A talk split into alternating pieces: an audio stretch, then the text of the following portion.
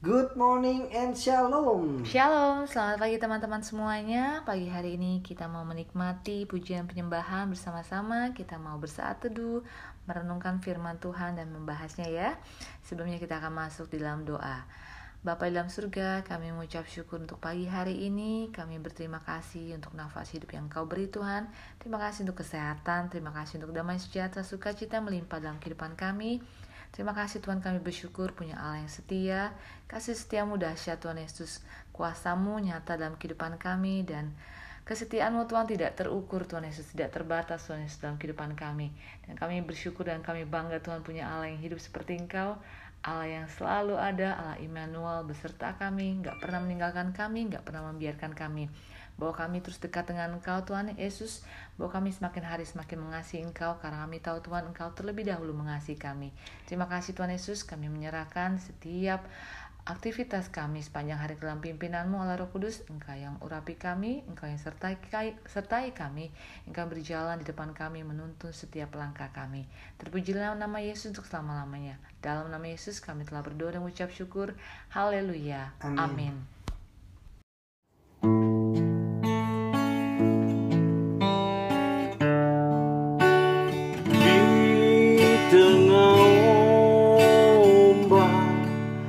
Dan arus pencobaan.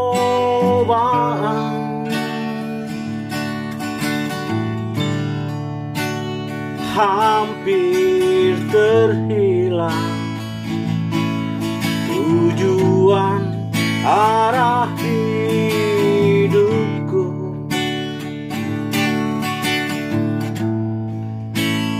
Bagaikan kapal yang selalu diombang ambingkan. Mengharap kasihnya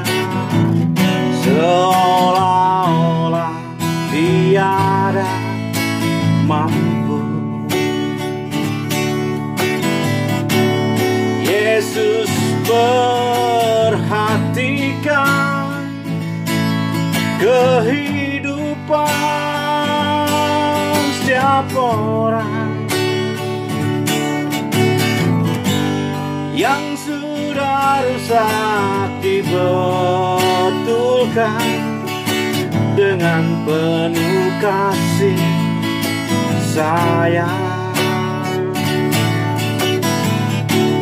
Yesus perhatikan Setiap tetesan air mata. Dia mengenal hatiku yang penuh penyesalan dosa.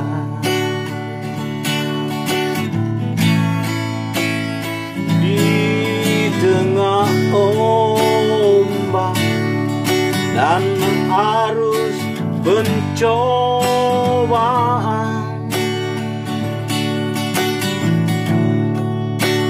hampir terhilang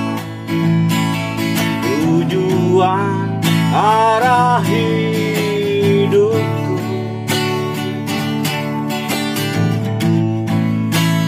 Bagaikan kapal yang selalu diombang ambingkan. Mengharap kasihnya seolah-olah mampu.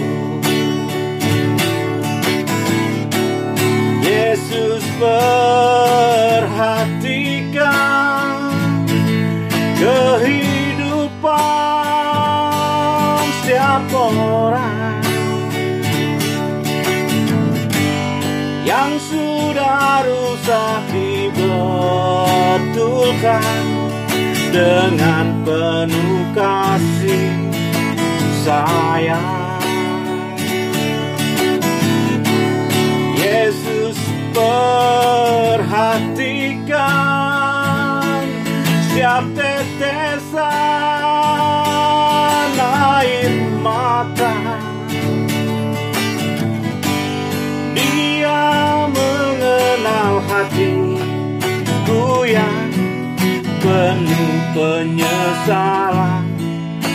dosa Dia mengenal hatiku yang penuh penyesalan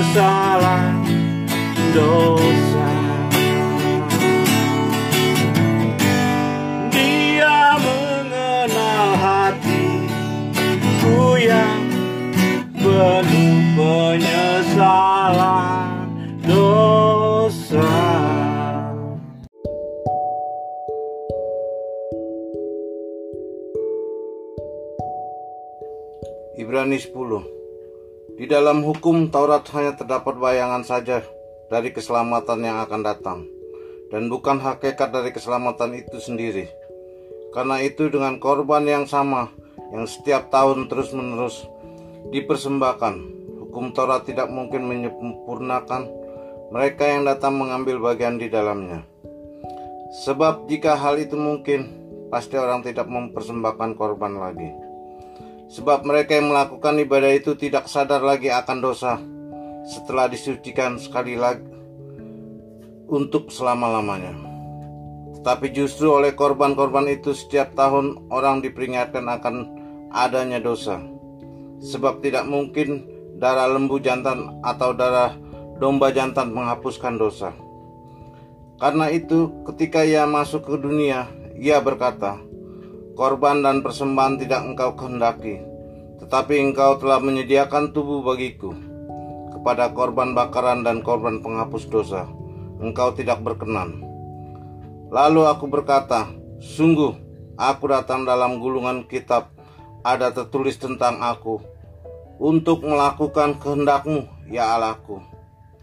Di atas ia berkata, Kurban dan persembahan, kurban bakaran dan kurban penghapus dosa tidak engkau kehendaki, dan engkau tidak berkenan kepadanya, meskipun dipersembahkan menurut hukum Taurat. Dan kemudian katanya, Sungguh, aku datang untuk melakukan kehendakmu. Yang pertama, ia hapuskan supaya menegakkan yang kedua. Dan karena kehendaknya, inilah kita telah dikuduskan satu kali untuk selama-lamanya oleh persembahan tubuh Yesus Kristus. Selanjutnya, setiap iman melakukan tiap-tiap hari pelayanannya dan berulang-ulang mempersembahkan korban yang sama, yang sama sekali tidak dapat menghapuskan dosa. Tetapi ia setelah mempersembahkan hanya satu korban saja, karena dosa ia duduk untuk selama-lamanya di sebelah kanan Allah dan sekarang ia hanya menantikan saatnya di mana musuh-musuhnya akan dijadikan tumpuan kakinya. Sebab oleh satu korban saja ia telah menyempurnakan untuk selama-lamanya mereka yang ia kuduskan. Dan tentang hal itu, Roh Kudus juga memberi kesaksian kepada kita. Sebab setelah ia berfirman, inilah perjanjian yang akan kuadakan dengan mereka sesudah waktu itu ia berfirman pula, Aku akan menaruh hukumku di dalam hati mereka dan menuliskannya dalam akal budi mereka. Dan aku tidak lagi mengingat dosa-dosa dan kesalahan mereka. Jadi apabila untuk semuanya itu ada pengampunan, tidak perlu lagi dipersembahkan korban karena dosa. Jadi saudara-saudara oleh darah Yesus, kita sekarang penuh keberanian dapat masuk ke dalam tempat kudus karena ia telah membuka jalan yang baru dan yang hidup bagi kita melalui tabir, yaitu dirinya sendiri. Dan kita mempunyai seorang imam besar sebagai kepala rumah Allah. Karena itu, marilah kita menghadap Allah dengan hati yang tulus, ikhlas dan keyakinan iman yang teguh. Oleh karena hati kita telah dibersihkan dari hati nurani yang jahat, dan tubuh kita telah dibasuh dengan air yang murni. Marilah kita teguh berpegang pada pengakuan tentang pengharapan kita. Sebab ia yang menjanjikannya setia. Dan marilah kita saling memperhatikan supaya kita saling mendorong dalam kasih dan dalam pekerjaan baik. janganlah kita menjauhkan diri dari pertemuan-pertemuan ibadah kita, seperti dibiasakan oleh beberapa orang. Tetapi marilah kita saling menasihati dan semakin giat melakukannya menjelang hari Tuhan yang mendekat. Sebab jika kita sengaja berbuat dosa sesudah memperoleh pengetahuan tentang kebenaran, maka tidak ada lagi korban untuk menghapus dosa itu. Tetapi yang ada ialah kematian yang mengerikan, akan penghakiman dan api yang dahsyat yang akan menghanguskan semua orang durhaka. Jika ada orang yang menolak hukum Musa, ia dihukum mati tanpa belas kasihan atas keterangan dua atau tiga orang saksi. Betapa lebih beratnya hukuman yang harus dijatuhkan atas dia yang menginjak-injak anak Allah, yang menganggap najis darah perjanjian yang menguduskannya, dan yang menghina roh kasih karunia. Sebab kita mengenal dia yang berkata, Pembalasan adalah hakku, aku yang akan menuntut pembalasan. Dan lagi, Tuhan akan menghakimi umatnya. Ngeri benar kalau jatuh ke dalam tangan Allah yang hidup. Ingatlah akan masa yang lalu, sesudah kamu menerima terang. Kamu banyak menderita oleh karena kamu bertahan dalam perjuangan yang berat. Baik waktu kamu dijadikan tontonan oleh cercaan dan penderitaan, maupun waktu kamu mengambil bagian dalam penderitaan mereka yang diperlakukan sedemikian. Memang kamu telah turut mengambil bagian dalam penderitaan orang-orang hukuman, dan ketika harta kamu dirampas, kamu menerima hal itu dengan sukacita. Sebab kamu tahu bahwa kamu memiliki harta yang lebih baik dan yang lebih menetap sifatnya. Sebab itu janganlah kamu melepaskan kepercayaanmu, karena besar upah yang menantinya. Sebab kamu memerlukan ketekunan, supaya sesudah kamu melakukan kehendak Allah, kamu memperoleh apa yang dijanjikannya itu. Sebab sedikit, bahkan sangat sedikit, waktu lagi, dan ya yang akan datang sudah akan ada tanpa penang, menangguhkan kedatangannya. Tetapi orangku yang benar akan hidup oleh iman, dan apabila ia mengundurkan diri, maka aku tidak berkenan kepadanya.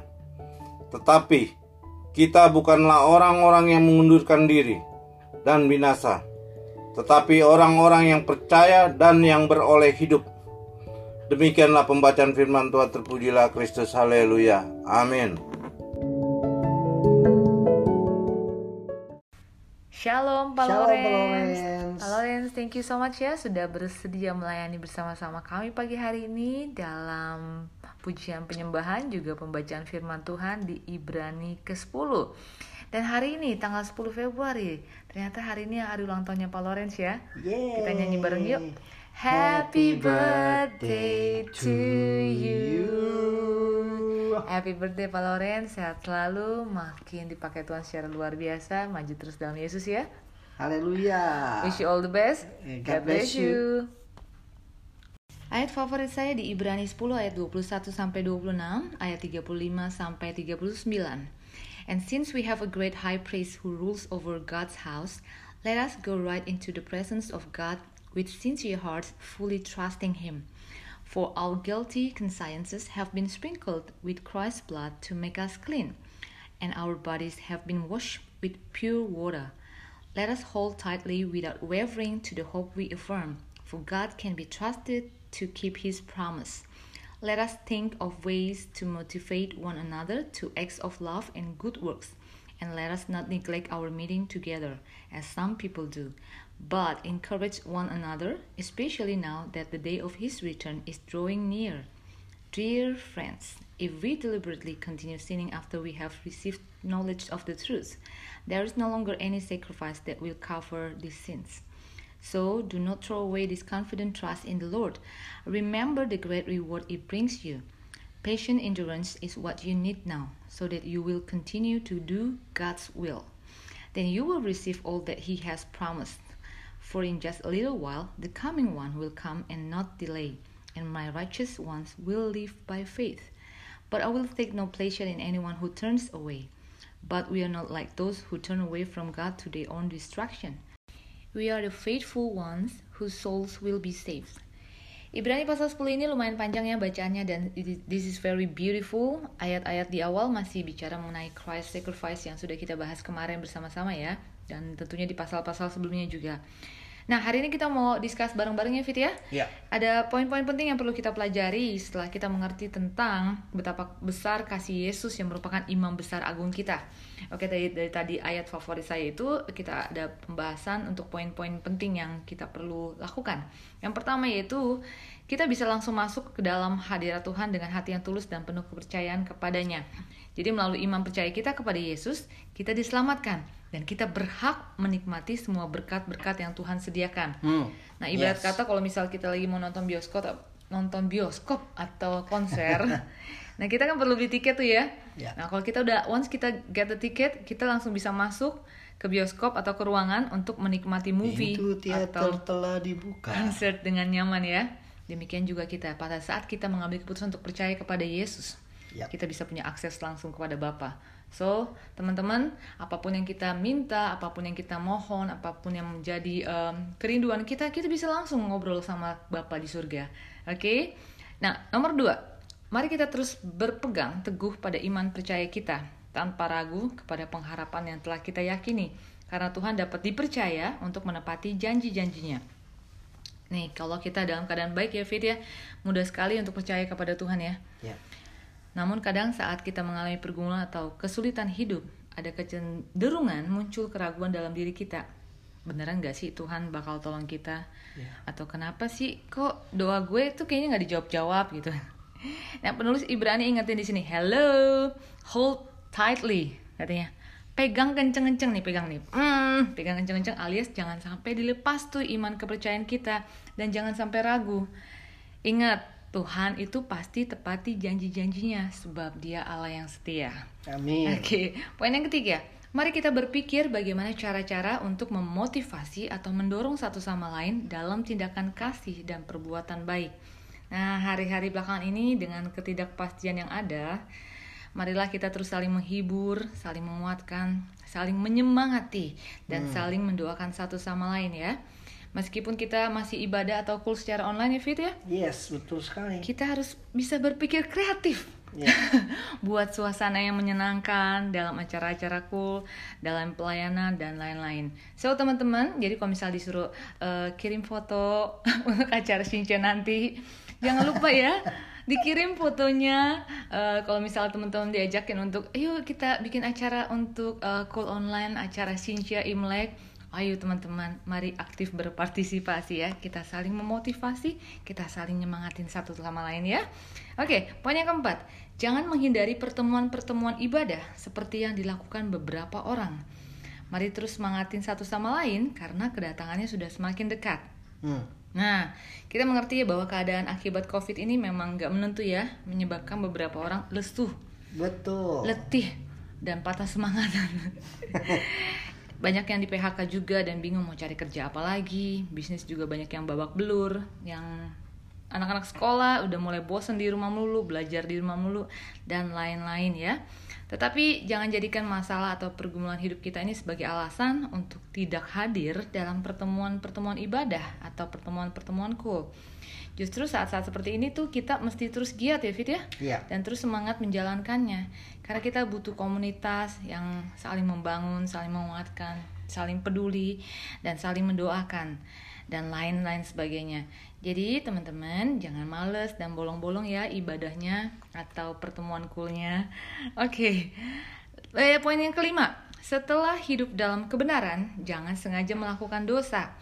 Intinya gini, kalau kita sudah diselamatkan, jangan sia-siakan keselamatan dan kembali kepada hidup yang lama.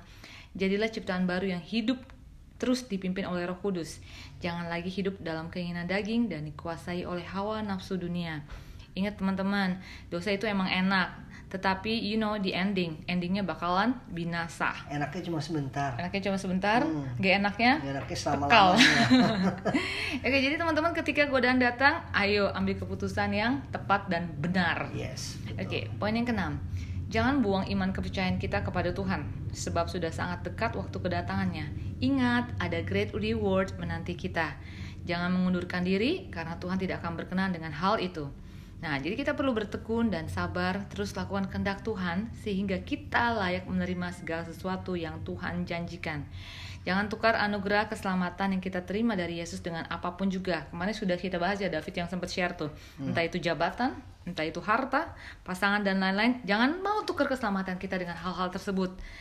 Dan jangan mundur dari relationship kita dengan Tuhan. Jangan mundur dari pelayanan, jangan mundur dari persekutuan atau ibadah dan lain-lain. Tetapi mari kita terus maju Jangan mundur tapi maju. Maju. Dan semangat dan selalu Gas. setia kepada Tuhan Yesus sampai akhir dan siap sedia menanti kedatangannya. Haleluya. Oke, David silakan. Ya, saya dapat kurang lebih sama ya. Actually semuanya sama. Jadi ya Ibrani 10 sekali lagi Tuhan mengingatkan bahwa Yesus adalah imam besar agung yang menyerahkan hidupnya untuk menebus dosa kita manusia. Dengan demikian, ia membuka jalan bagi kita untuk masuk ke dalam kekekalan bersama Tuhan. Nah, kalau kita udah tahu tentang semuanya ini, respon kita cuma ada dua nih. Cuma Yes. ada dua pilihan. Kita terima keselamatan ini atau kita tolak keselamatan tersebut. Nggak bisa di tengah-tengah. Betul. Ya, kita harus make a choice right now. Di ayat yang ke-28 dan ke-29 ada peringatan. Jika kita menolak keselamatan ini, maka yang ada hanyalah penghukuman. Mhm. Tetapi jika kita terima keselamatan dari Tuhan Yesus, kita diselamatkan. Nah, tugas kita sekarang setelah kita uh, menerima keselamatan ini, menegang teguh uh, janji perjanjian yang baru ini, kita jangan sampai menyerah atau kembali berbuat dosa lagi yang seperti tadi kamu udah bilang ya. Iya. Hidup setelah menerima keselamatan bukan hidup yang pasif. Supaya kita itu nggak kembali berbuat dosa lagi atau menyerah, kita itu harus hidup melayani sama seperti Tuhan melayani semua orang yang membutuhkan. Kita bisa melayani baik di keluarga maupun untuk teman atau bahkan orang lain yang kita tidak kenal kita bisa melayani. Tuhan mau kita saling menguatkan juga dalam hal ini. Satu cara untuk membuat kita eh, kuat itu juga kita harus terlibat dalam pelayanan bersama dengan eh, teman-teman seiman. Yes. Uh, kita harus masuk ke dalam suatu uh, per- pertemuan atau Komunitas kumpulan ya. komunitas Seperti sama-sama yang mencintai Tuhan Yesus supaya kita semua saling menyemangati. Dengan demikian kita bisa saling uh, menguatkan satu sama lain. Nah tadi kamu juga sempat singgung jangan jauhi ibadah dengan alasan apa pun. Selama PSBB semua ibadah dilakukan online Iya. Memang kita selasa nonton TV ya, nonton film. Nah, tapi kita justru di saat-saat seperti ini harus menguatkan iman kita, harus belajar untuk fokus. Walaupun dalam eh, kita nontonnya lewat komputer, lewat HP, lewat TV, kita tetap harus fokus dalam ibadah, dalam pertemuan untuk eh, memuji dan menyembah Tuhan Yesus ya. Nah, eh, ayat ke-35 dan ke-39 juga menguatkan kita untuk memegang teguh kepercayaan kita karena sangat besar upaya yang menanti kita kelak saat kita bertemu dengan Tuhan Yesus. Nah, waktunya sudah almost there ya kita udah deket sekali. Tuhan Yesus itu udah mau datang. Jangan Iya. sampai kita itu kehilangan eh, rewardnya ini, upahnya ini di eh, penghabisan di waktu-waktu yang akhir. Justru kita harus semakin semangat teman-teman, kita harus semakin setia dan kita harus semakin eh, mencari Tuhan. Amin. Amin. Haleluya. Oke teman-teman, sekian hari ini. Sampai ketemu besok. Have a nice day. God God bless bless you. you.